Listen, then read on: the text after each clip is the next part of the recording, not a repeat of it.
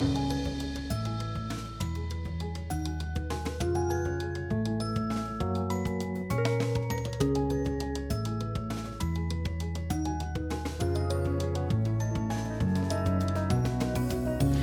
Mens verden går sin eh, skjeve gang og stadig flere bekymrer seg for feilinformasjon og aktiv desinformasjon i nyhetsmediene, har vi i NRK P2 gått sammen med Norsk faglitterær forfatter- og oversetterforening for å kåre Norges beste sakprosabøker etter krigen i ti tematisk inndelte radiosendinger. Og det er da i det minste helt sant.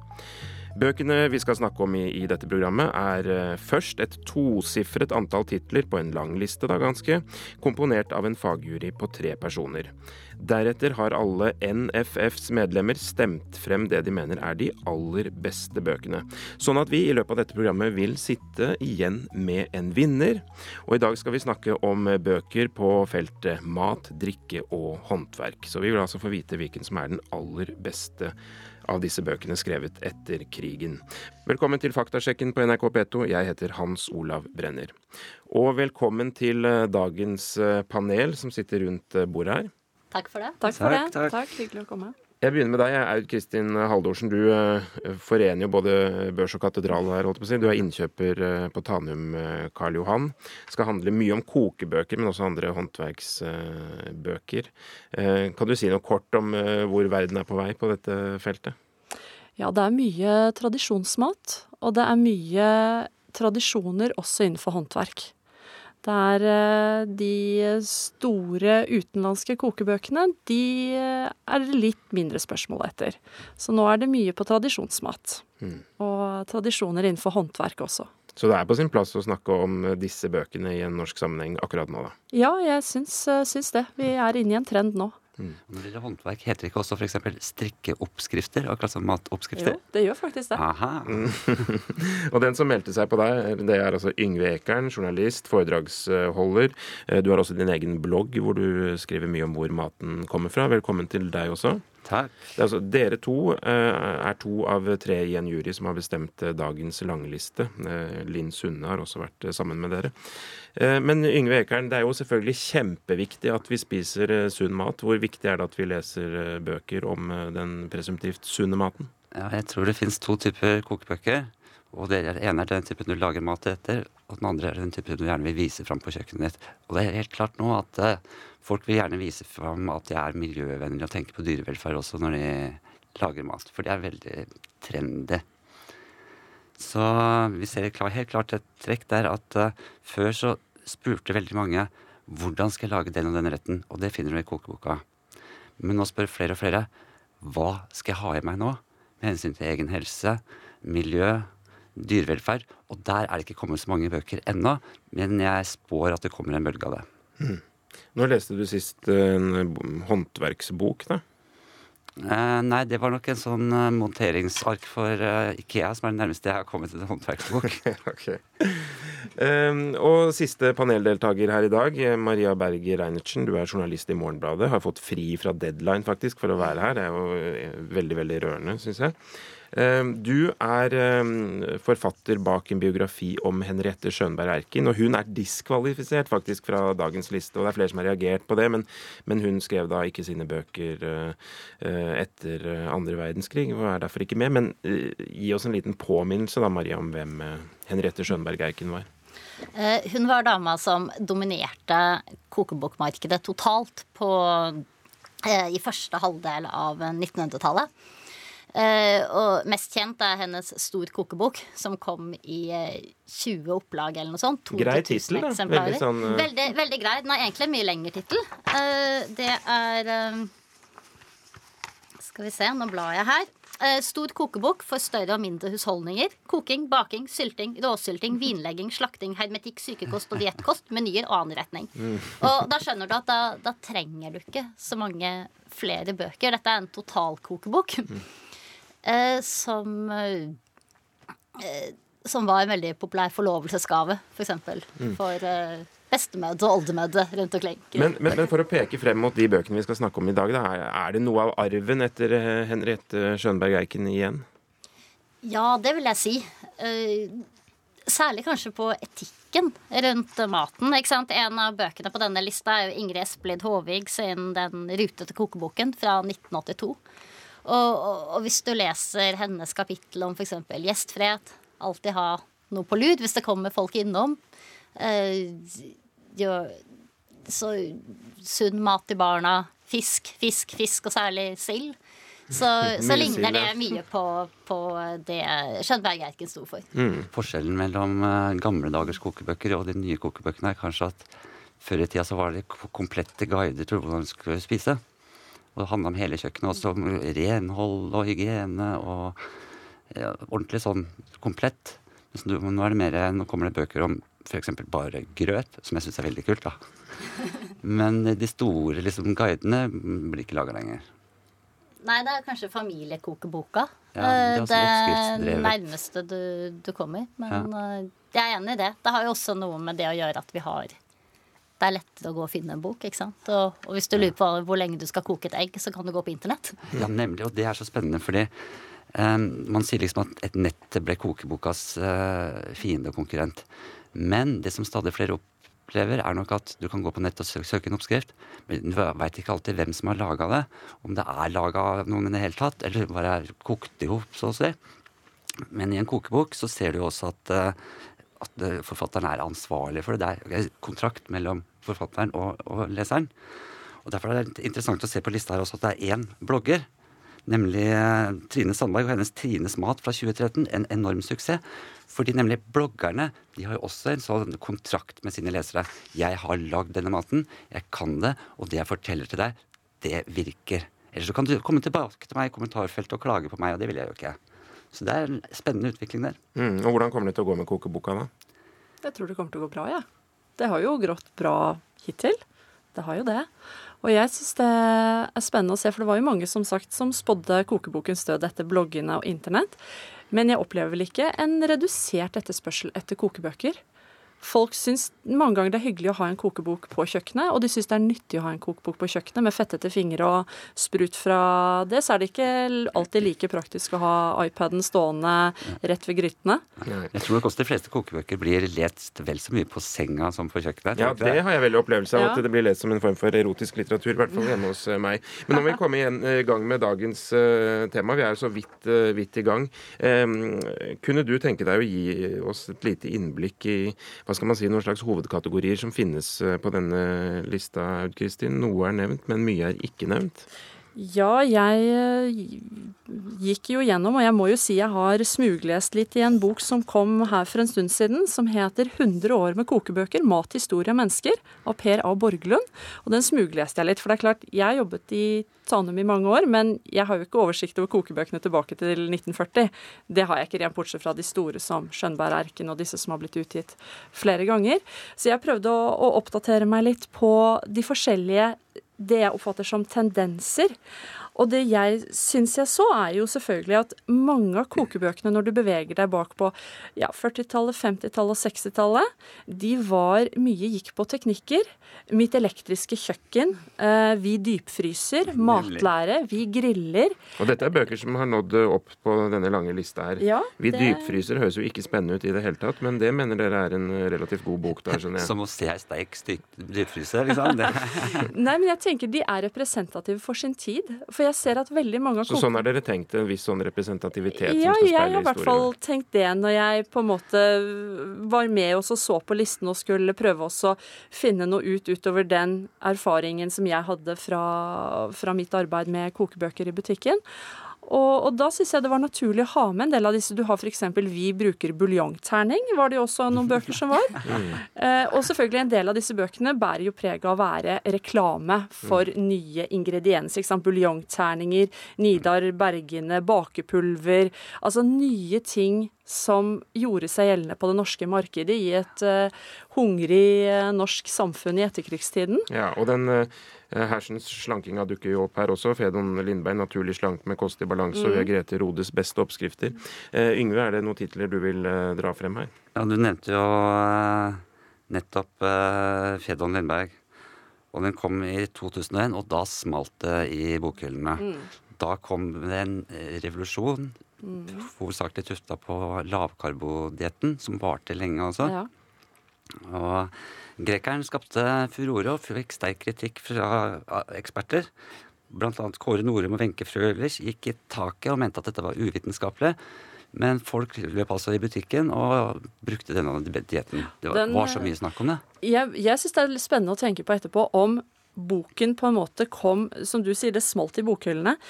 Eh, men jeg tror også kanskje den, det hadde ligget og ulmet en stund, og så var på en måte den boken og han litt katalysatoren for allerede en noe som eh, en, en trend, en tendens. For det er jo klart at jeg mener, hvis jeg ikke husker helt feil, at Wenche Frølich ga vel ut en brødbakebok, hun, i Ja. etterkant av den. Hvor hun på en måte liksom Jeg vil heve brødet opp igjen. Ja. Og, og liksom Dette her Det er viktig. Eh, så, så, det, så det er klart at Og han har jo kommet med mange bøker senere også over samme lesten. Ja, og driver stor forretningsvirksomhet rundt dette. Altså. Men folk gikk altså på limpinnen. Nei da. Men eh, jeg vil gjerne komme med en historie jeg pleier å dra i selskapslivet for å plage folk. For der er alltid diskusjon om mat, og så er det folk som driver med lavkarbodiett. Ja. Og så sier jeg til dem ja, men hvis du bare spiser entrecôte og ikke spiser poteten og sånn, hva er det for noe da? Nei, blir jo sunn, da. Nei, da er du menneskehetens SUV-bil, sier jeg da, for da er miljøsvin. det, da blir det alltid dårlig stemning. Ja. Men eh, la oss eh, slippe temaet slanking. Eh, Maria, når du eh, ser på denne lista. Altså jeg tenker, altså Kjønnsbalansen er veldig god for å ta det poenget da, mellom kvinner og menn. Det er jo de to hovedkjønnene vi gjerne opererer med her i, i P2, men det er åpent for alt. Eh, og så er det Jeg tenkte jo at det var overraskende Vi har Eivind Hellstrøm her med, med bagateller fra 2000, men, eh, men relativt få hormonpumpede mannlige kokker, egentlig. Hva tenker du om eh, variasjonsrikdommen på lista? Eh, jeg vet ikke hvor mye hormoner Shakenda har, jeg. Men eh, han, han er nå med. Jeg tenker at det er en sånn interessant deling da, mellom disse store sånn, totalkokebøkene. ikke sant? Gyldendals store nye og den Espelids Lutete kokebok. Og selvfølgelig den den Cappelens kokebok, eh, familiekokeboka på den ene siden, og så en del sånne bøker som har en, en tydeligere sånn ideologisk retning, forteller en, en historie. Det er kanskje særlig de vi leser på senga. Eh, ikke sant? Hel VMI, eller et veldig tidlig eksempel, Brimi med, eh, fra Lom til Lyon. Eh, eh, og et veldig tidlig eksempel på en sånn eh, ideologisk personlig fortelling, det er jo den urtehagen på Knatten. Eh, som jeg ikke kjente til, men nå har jeg lest meg opp på den. Og- Anne Martha Borgen ja, sin eh, bok fra er jo 1973. fantastisk. Det er en bok som starter med, med å ta oss inn i det gamle skeive huset Borgen og familien og hundene hennes har kjøpt på Hvaler, og forteller da hvordan de går ut og, og steller denne hagen hver dag. Og en sånn blanding av da kulturhistorie om de vekstene som er i hagen. Og, og vi liksom kan følge hennes forsøk da med å få med å tørke og, og tilpasse den Mm. maten. Det er også en veldig krevende bok, fordi det gir inntrykk av at hvis du skal ha en urtehage, så må du bo på Hvaler og ha to hunder, og du kan egentlig ikke gjøre noe annet, da. Ja, Når du tok opp eh, Arne, Anne Martha Borgen sin bok, så ser jeg på produsent Silje Biermann her, og så fikk jeg en følelse av at vi kan få hostet frem et lite klipp hvor Anne Martha Borgen kaster lys eh, over sin eh, egen bok. Jeg skulle skrive om Eller bestemte meg for å skrive en bok, en matbiografi av Johan Borgen. Og da jeg begynte å forske gjennom notater og ting, så oppdaget jeg til min forbauselse at eh, jeg tror 70% av vårt kosthold var basert på fisk og skalldyr på havets frukter. Og så var det vilt, og naturligvis en del kjøtt.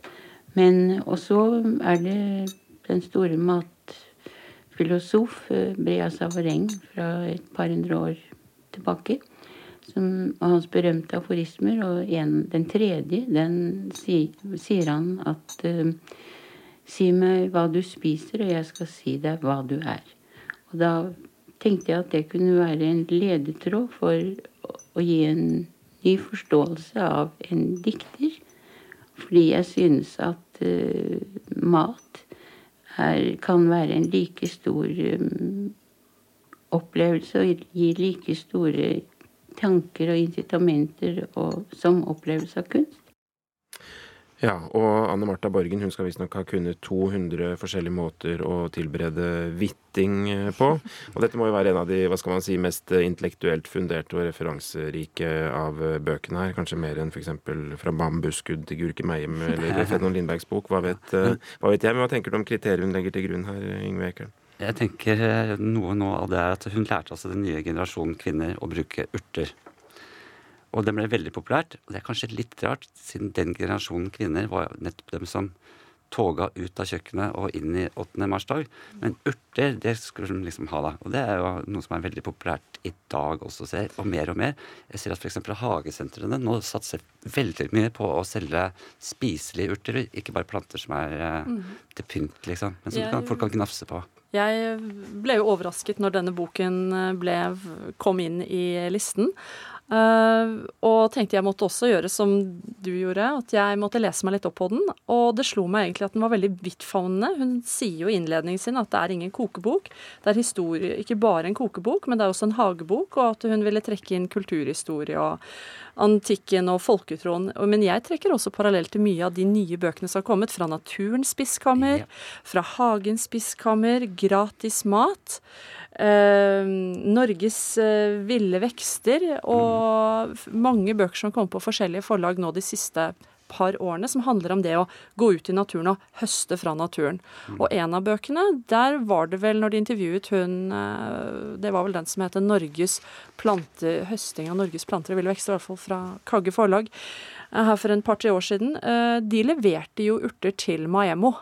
Ja. Ikke sant? og den ble jo en veldig Hun hadde et fint intervju og en god reportasje i Aftenposten, og det brakte jo den boken eh, veldig fram i lyset. Og etter det så har det kommet flere interessante på det feltet. Mm, Maemo er jo da en uh, restaurant i Oslo som har fått veldig mye positiv oppmerksomhet, uh, for å si det sånn. Uh, Maria, vil du kommentere?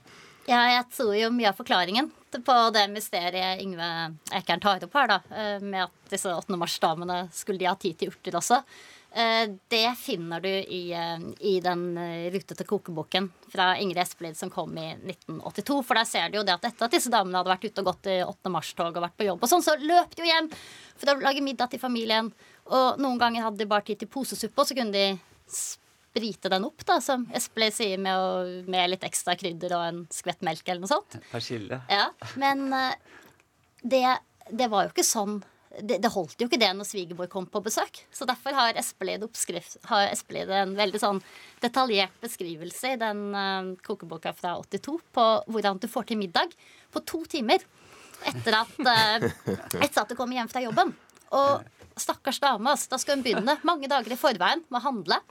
Og så følger vi henne, da, hvordan hun gjør klar indrefileten og sånt. Og ordner huset og gjør alle forberedelsene på kveldene.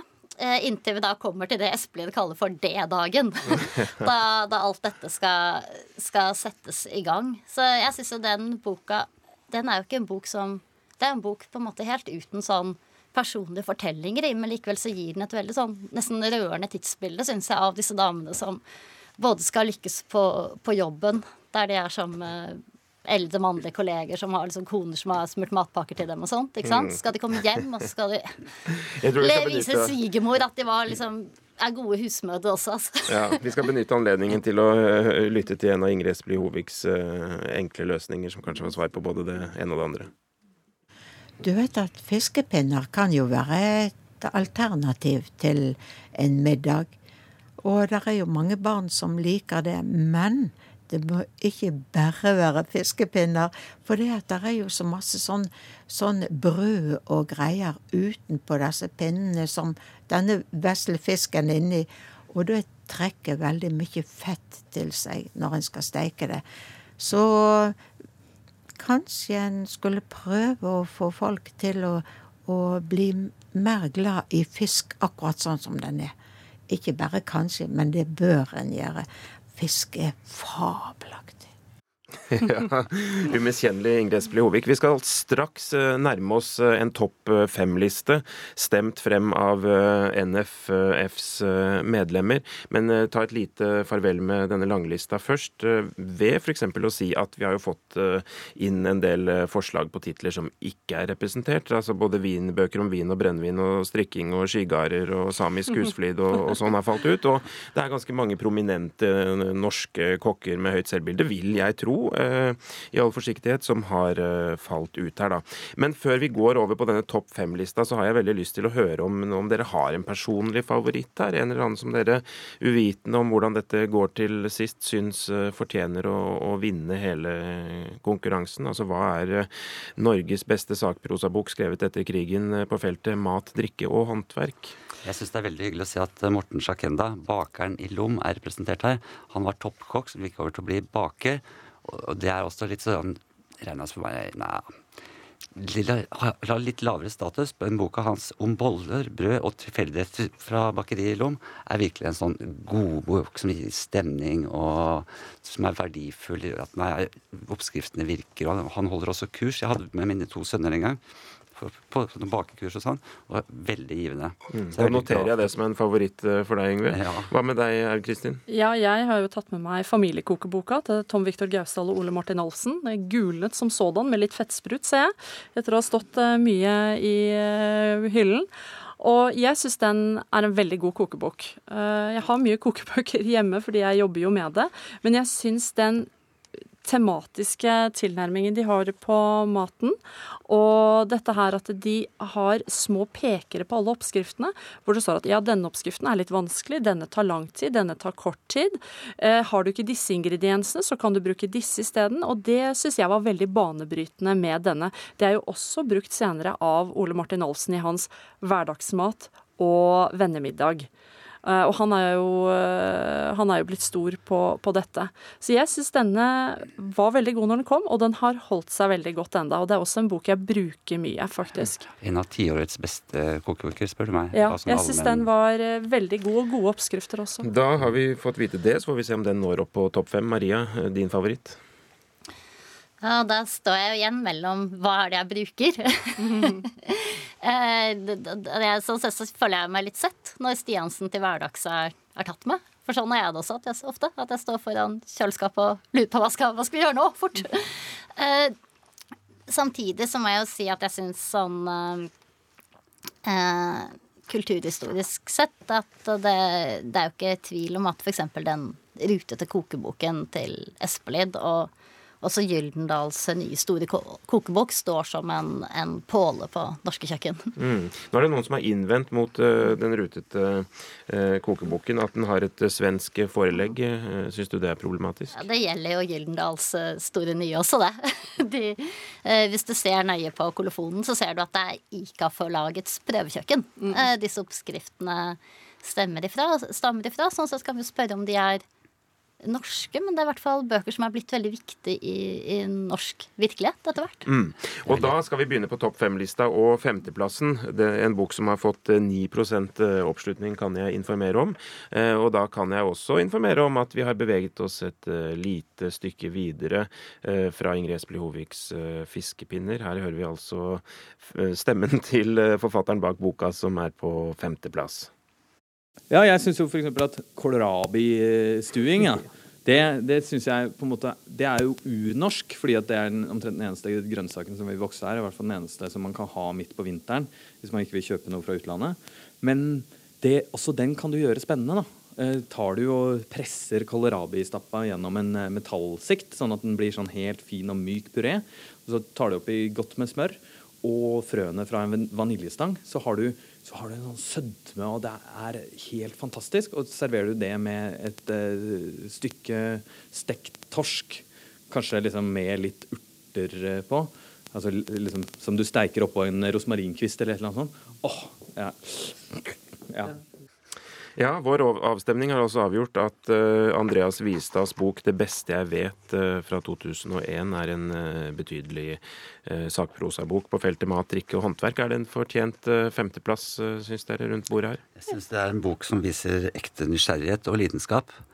Og en av de første sånne journalistikkdrevne bøkene som gjorde det godt. Så jeg syns absolutt den fortjener sin plass. Ja. Og så syns jeg jo også igjen at du har den kombinasjonen av som du sier, ektefølt eh, nysgjerrighet, men også glede ved maten. Ikke minst, han driver jo Geitmyra matkultursenter.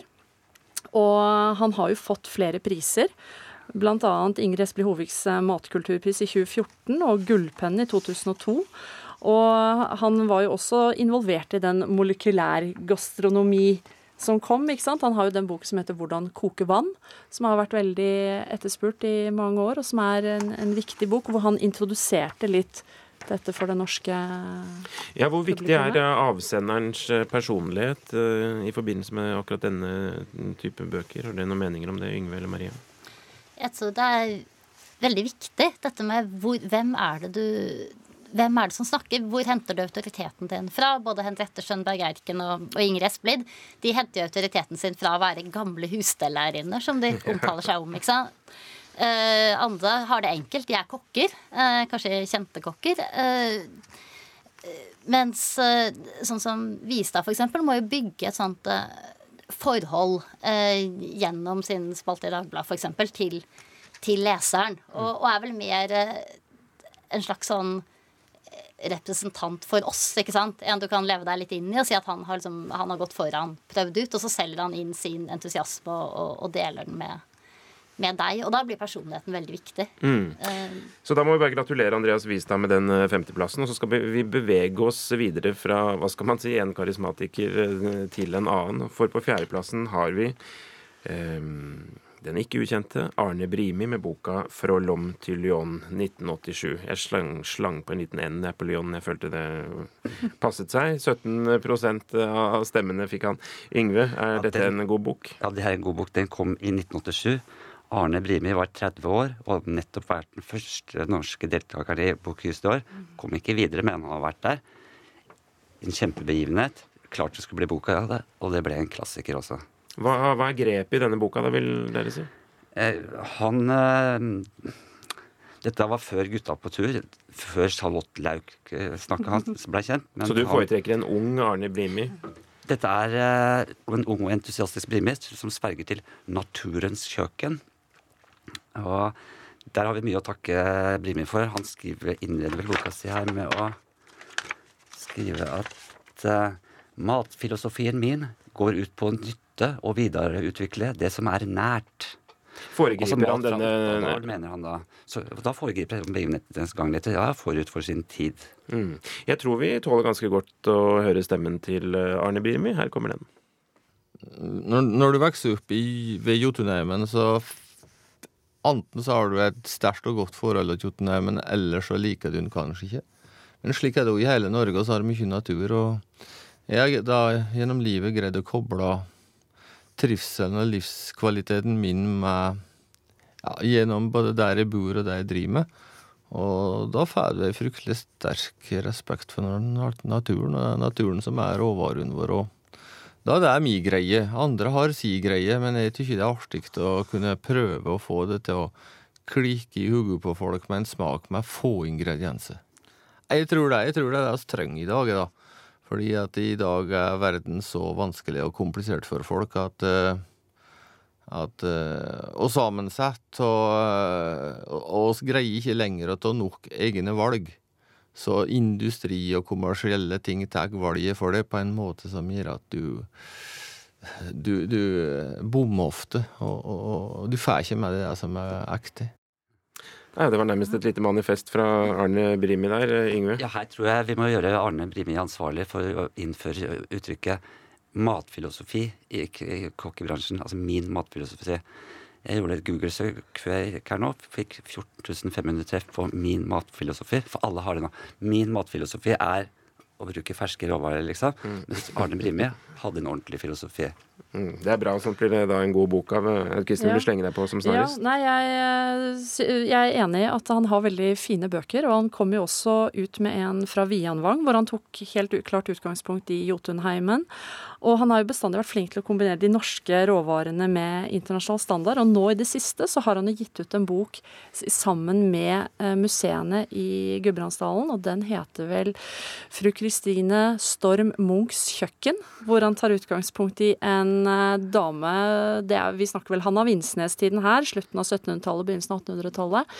Og hvor de fant hennes oppskrifter, og så han jobbet rundt de og laget mat ut ifra de. Og dine urbane kjøpere de er fortsatt interessert i Arne Brimis bøker? Ja, absolutt. Vi hadde veldig mange spørsmål etter akkurat den boken jeg nevnte nå, eh, rett her oppunder jul. Mm.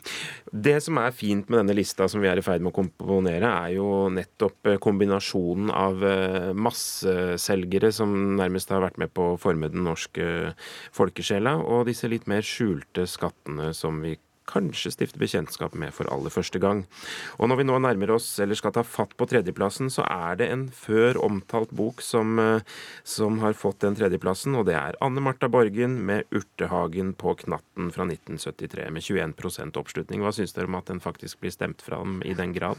Jeg syns det er spennende, for det, da den først dukket opp på, på listen, så måtte jeg jo som sagt lese meg litt opp på det, og jeg ble litt overrasket faktisk når jeg så at den, eh, den, den kom så høyt opp, altså. Men jeg, jeg ser jo det nå når jeg også fikk lest meg litt opp på den, at eh, den peker helt klar, klart frem at den var veldig forut for sin tid. Og det er alltid litt sånn, i hvert fall hvis man tenker i et linært eh, perspektiv med ting som peker ofte fremover, er man jo interessert i. Den fikk et litt lengre liv enn en, en gjennomsnittlig basilikumplante, kan vi si. Ja, det, det kan vi si. Og jeg tenker at Hvis vi sier tittelen på denne boka og navnet på forfatteren en gang til, så kommer det et eh, nytt opptrykk fra forlaget ganske eh, snart. Anne Marta Borgen med 'Urtehagen på knatten'. Da imøteser vi et ferskt opptrykk. Ja, Maria ville skjenge deg på så vidt. Jeg synes Det er morsomt, for den plasserer seg i en helt annen tradisjon enn de her eh, totalkokebøkene. Det, når vi hørte det klippet av hennes sted, så tenkte jeg på mm, Hulda Garborg og, og hennes klassiker 'Heimestell'. eh, hvor hun siterer Rousseau ganske heftig for å eh, forklare hvilke valg hun tar på, på kjøkkenet og i, i barneoppdragelsen, f.eks.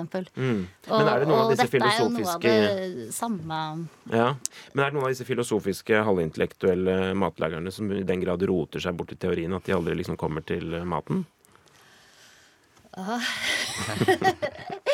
Jeg vet ikke. Borgen kommer jo til, til maten etter hvert, hun, altså. Ja. Um, så Det er vel en bok hvor jeg tror også at du jeg tenker Det er spørsmålet kanskje mer på leseren. Eh, vil du føle at du er nødt til å gå og spa opp en urtehage etterpå? Eller vil du bare tenke at dette, dette er for krevende? Ja, hva sier du til det egentlig? Er det alle disse eh, kokebøkene som liksom frem- fremmer både lyst og evne til å lage mat, eller handler det innimellom om noe helt annet? Det kan også handle om å få lyst til å ta en pallekarm og plante noen urter. Ja.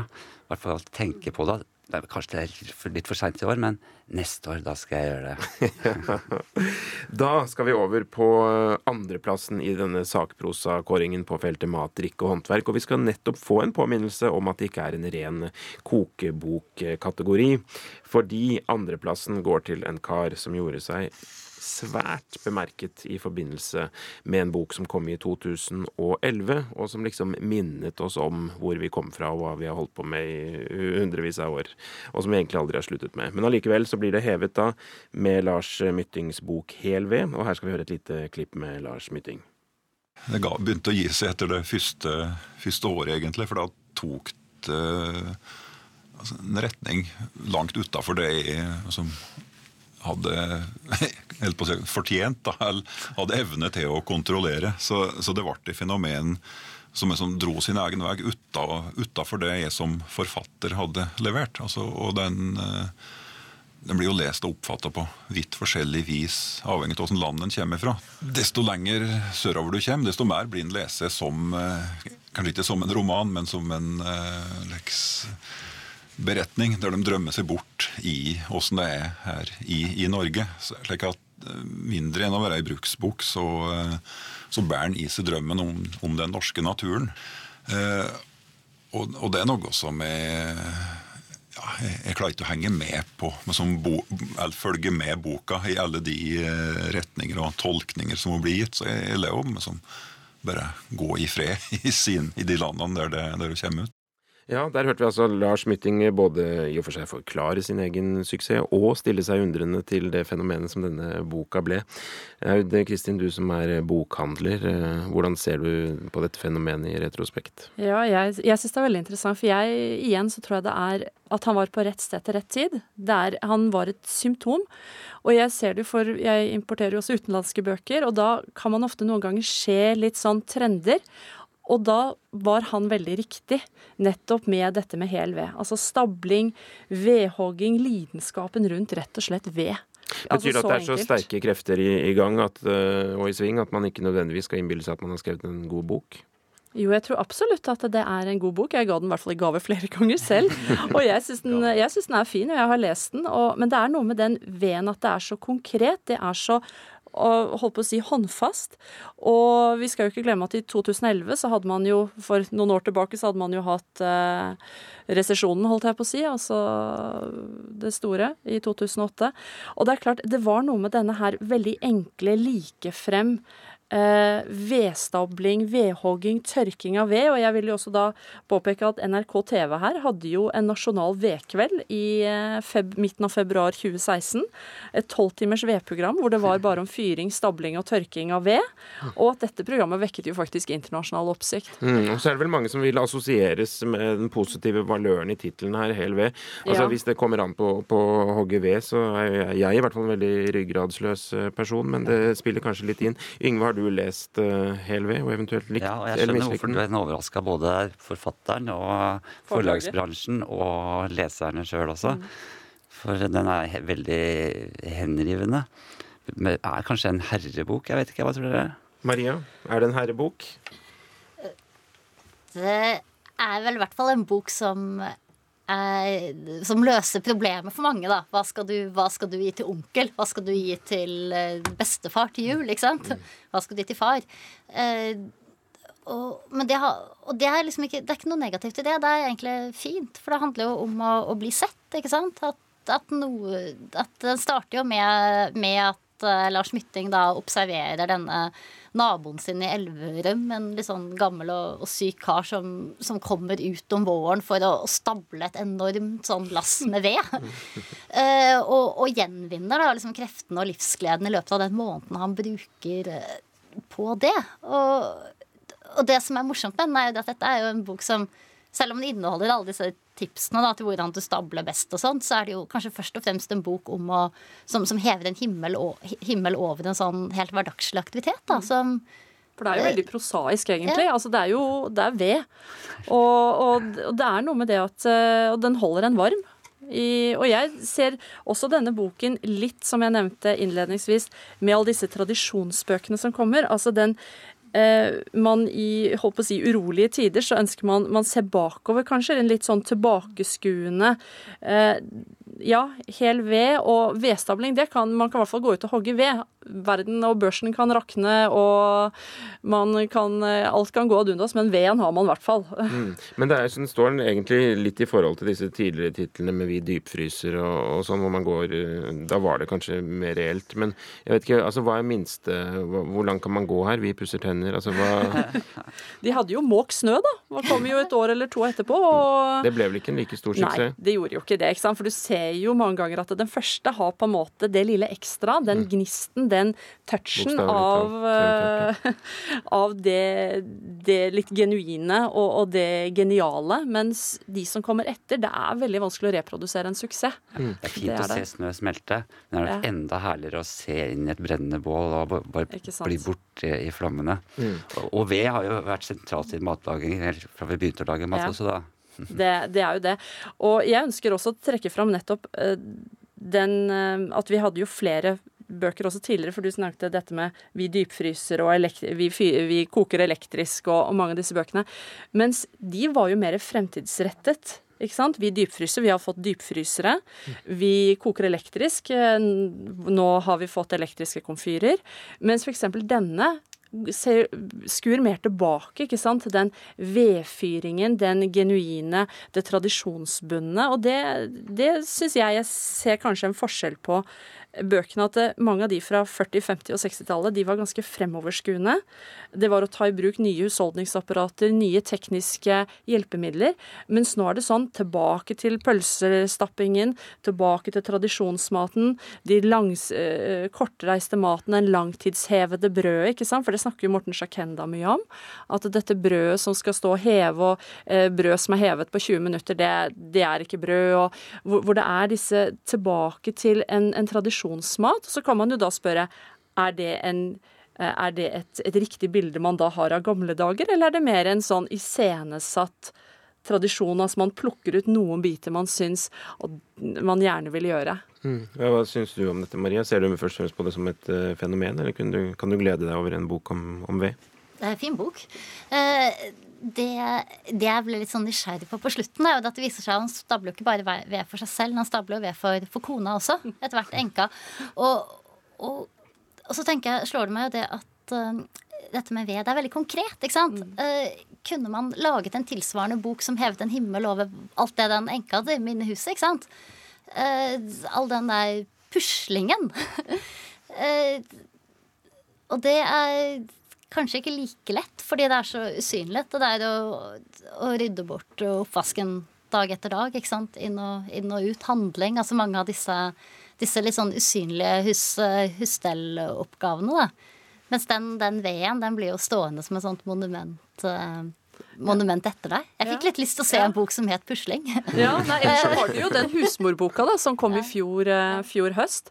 Og hvor hun eh, var jo i, i A-magasinet også og snakket om dette at uh, å være husmor, og det ser man jo på en del av de bøkene som på en måte ikke har nådd opp på denne listen, som er blant disse 40- og 50-60-tallet som heter enten husstell eller mat, altså disse litt generelle bøkene og vi steller hjemme-type bøker.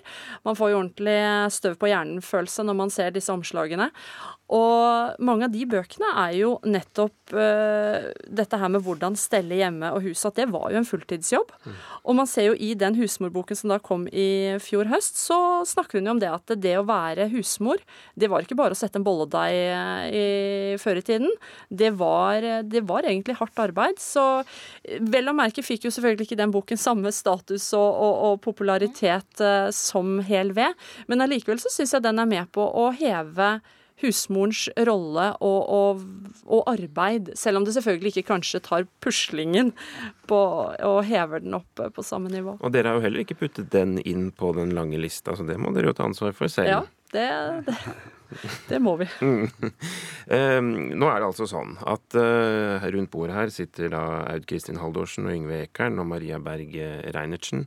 Vi har snakket oss gjennom mange bøker, og vi skal nå straks avsløre hvilken bok det er som uh, er helt øverst på lista over Norges beste sakprosabøker skrevet etter krigen på feltet mat, drikke og håndverk. Og da er det rett og slett sånn, mine damer og herrer, at uh, medlemmene i Norsk faglitterær forfatter- og oversetterforening de har bestemt, og med et overveldende flertall, uh, får man si, og det er mange som har stemt, 59% mener at den aller beste boka er Den rutete kokeboken av Ingrid Espelid Hovik. Jeg føler på for litt sånn applaus. Nå er det med. Ja, det må vi gjøre. Det må vi gjøre. Det er fantastisk. Ja. Den finnes altså i over 300 000 norske hjem. Siste opplaget kom så sent som i forfjor. Ja, Første kom i 1982. Mm. Men så er det det lille mennet, da. Den kom jo på svensk allerede i 1980, på ICA-forlaget.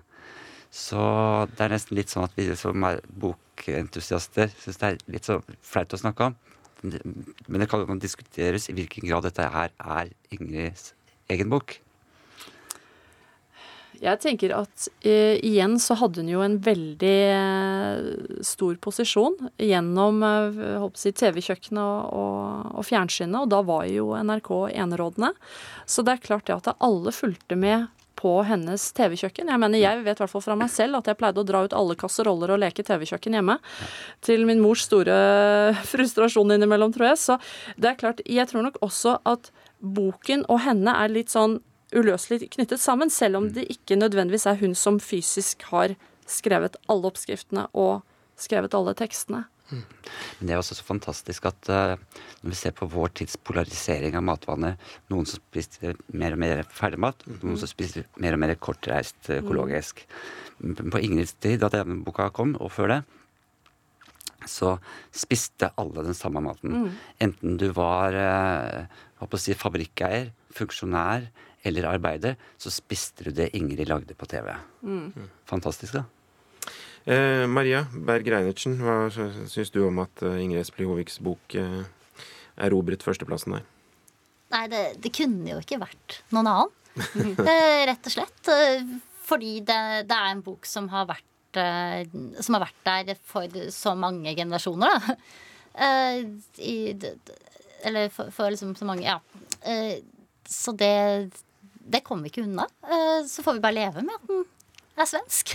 Det er ikke alt vi eh, Bunaden er heller ikke en helt norsk, helt norsk oppfinnelse. ikke sant? Eh, men jeg har tatt med meg et eksempel på en bok som Ingrid Espelid faktisk har skrevet helt selv. Sånn at vi skal, skal se Kan vi se på radio eh, at, at, hun har gjort det. Det er en bok som heter 'Ingrid Espelid ber, ber til bords'. Det er en tynn flis av en bok. Mat fra TV-kjøkkenet. TV-kjøkkenet. 1967. Der du ser Ingrid Espelid utenpå boka. og en gaffel og en kniv på hver side. Og så er hun liksom på en litt sånn firkanta tallerken som gir litt assosiasjoner til en, en TV-skjerm. Mm. Og som jeg tenker, tenker, sier noe om hvor, eh, hvor tett da knytta hun er, ikke sant, som vi var innom på nå, til, eh, til, eh, til fjernsynskjøkkenet. Og, og minne oss kanskje om det at det er ikke alltid nok da, for en bok å bare være god. ikke sant? Må, koke, kanskje særlig en kokebok må ha en en historie rundt seg, fordi vi, vi skal ha tillit til den som forteller oss uh, at vi skal eh, koke oste, eh, at vi skal steke ostesuffleen akkurat så lenge. ikke sant? Vispe så mye.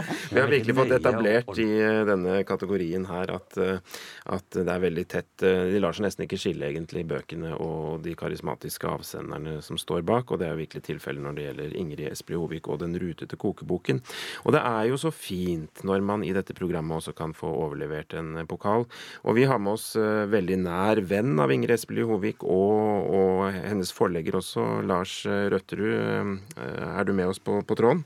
Jeg er her. Ja, Gratulerer til Ingrid via deg, og, og gratulerer til deg også som forlegger og venn. Tusen takk. Fantastisk, fantastisk. Jeg gleder meg til å fortelle dette til Ingrid. Eh, hun er jo norgesmester i å være utrolig overrasket og eh, beæret når noen eh, gir henne oppmerksomhet. Så dette vet jeg hun kommer til å bli veldig, veldig glad for. Mm.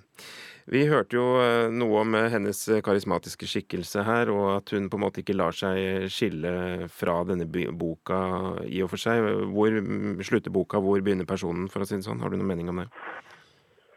Nei, altså Ingrid pleide å si det at uh, den, den, det røde silkebåndet som er lesebåndet i den rutete kokeboka, det er som uh, det røde båndet i livet hennes. Rundt det ligger kunnskapen, alle oppskriftene og det hun brenner for. Mm. Nemlig å formidle mat som du lager selv fra bunnen av, som, har, som er sunn og bra for deg, og som gir matglede. Mm. Vi hørte jo her at uh, det finnes et svensk forelegg for den rutete kokeboken. Kan du si litt om uh, hva slags uh, arbeid som lå forut for at hun lot disse oppskriftene stå på trykk i en norsk variant? Ja, altså dette her er jo et uh, samarbeid Det begynner som et samarbeid mellom Birgitta Rasmusson, som da jobbet på ICAs prøvekjøkken i uh, Stockholm. Ingrid fylte to store kokorter. Uh, reiste ut på Fornebu med råvarene som hun ville ha med. Og var en halv uke av gangen på ICAs prøvekjøkken i Stockholm.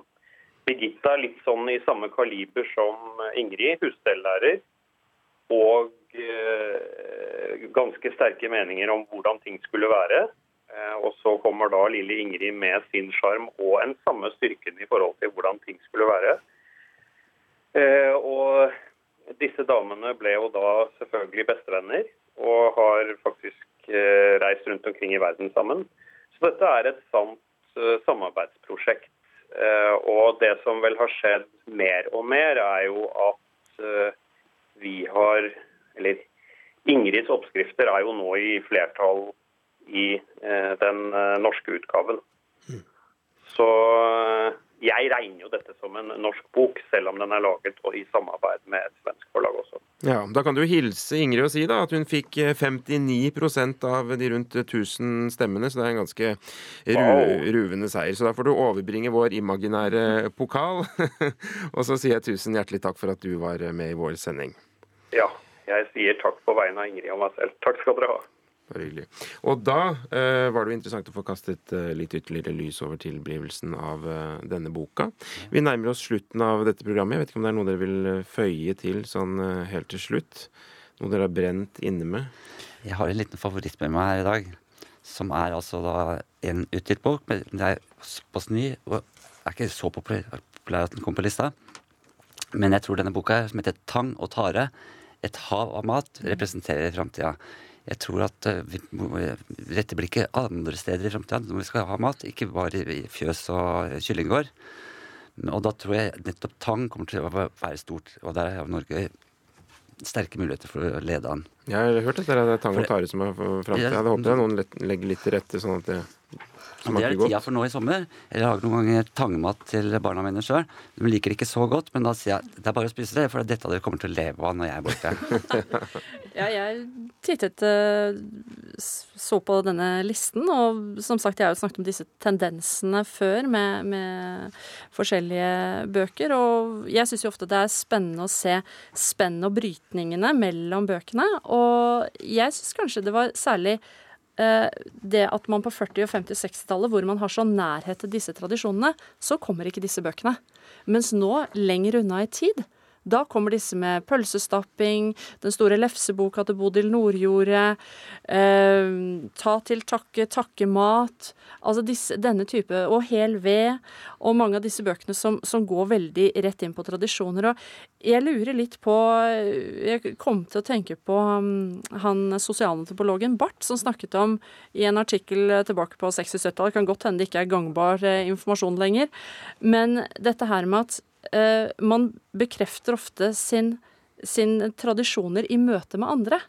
Og da tenker jeg at eh, Norge er jo et ganske annet samfunn nå enn det var tilbake på 40-, og 50- og 60-tallet, hvor du snakker om alle spiste den samme maten omtrent. Og, altså, da var det ganske homogent, selv om det selvfølgelig var en arbeiderklasse og, og eh, forskjellige typer mat. Så tenker jeg det er spennende å se om det influerer også setter, avspeiler seg i kokebøkene, hva slags kokebøker man får. Altså de speiler strømningene i, i samfunnet, men også kan peke tilbake på samfunnet og på en måte sette i gang en trend. Vi snakket jo om Fedon Lindberg og sånne ting. At de, det er ikke bare en sånn en passiv mottaker av strømninger fra samfunnet, men at de også kan peke tilbake på samfunnet og spore eller sette i gang en, en, en retning eller en, en trend.